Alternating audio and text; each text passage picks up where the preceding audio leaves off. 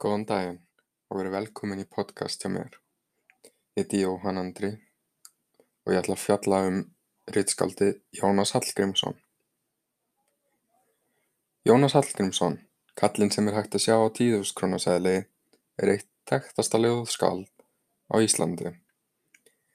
Hann er einnig þekktur fyrir að búa til helling af orðum eins og baksund, aðdráttarafl, efnafræði, lambasteik og mörg önnur orð sem við notum nú til dags. Þú hefur líka heyrt um Dag íslenskrar tungu en hann er á afmælisdegi Jónasar, 16. nóvember. Hann fæddist 16. nóvember 1807 að Hrauni í Öxnadal. Hann átti þrjú systkini.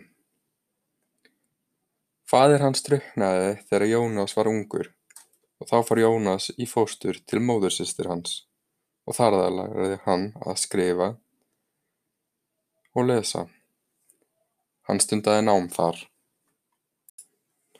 Jónas fór til Kaupmannahafnar árið 1832. Þar lærði hann lögfræði en skipti síðan í bókmenntir og náttúrufræði. Hann var einn af Fjölnismönnum. Brynjólfur Pétursson, Jónas Hallgrímsson, Konráð Gíslason og Tómas Sæmundsson eru Fjölnismenn. Þeir ásamt fimm öðrum stofnuðu tímarit. Fjölnir hét það tímarit. Jónas samdi alls konar fjölbreytt ljóð. Núna ætla ég að nefna nokkur þeirra. Helvíti, Ásta, Hulduljóð, Galdraveiðin, Einbúinn, Íslandsminni, Móðurást, Gunnarshólmi, á nýársdag 1845, Kvölddrykkjan, Vorvísa, La Belle, Ísland, Stökur, Ég bið að heilsa, Vísur Íslendinga, Dalvísa, Laxinn og svo mörg önnur.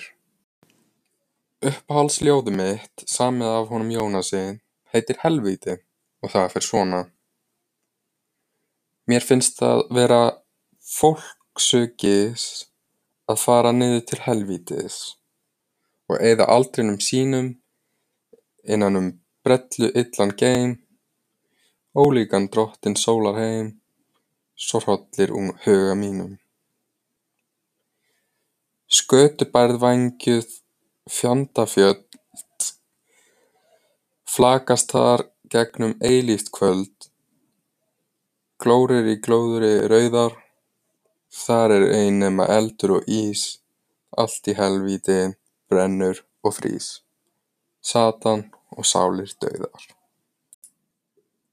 Jónas var þekktur fyrir að rita rómantísk ljóð og það má sjá í Gunnarshólmi þar sem hann notaði tvo bragarhætti sem voru ekki búnir að vera notaðir í íslenskum ljóðum áður fyrr.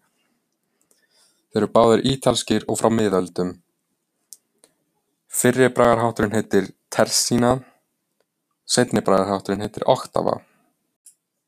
Hann dó vegna blóðeitrunar eftir að hafa dottið niður stiga og fótbrotnað. Þetta gerðist í Kaupmannahöfn. Bein Jónasar voru flutt til Íslands árið 1946 frá Kaupmannahöfn.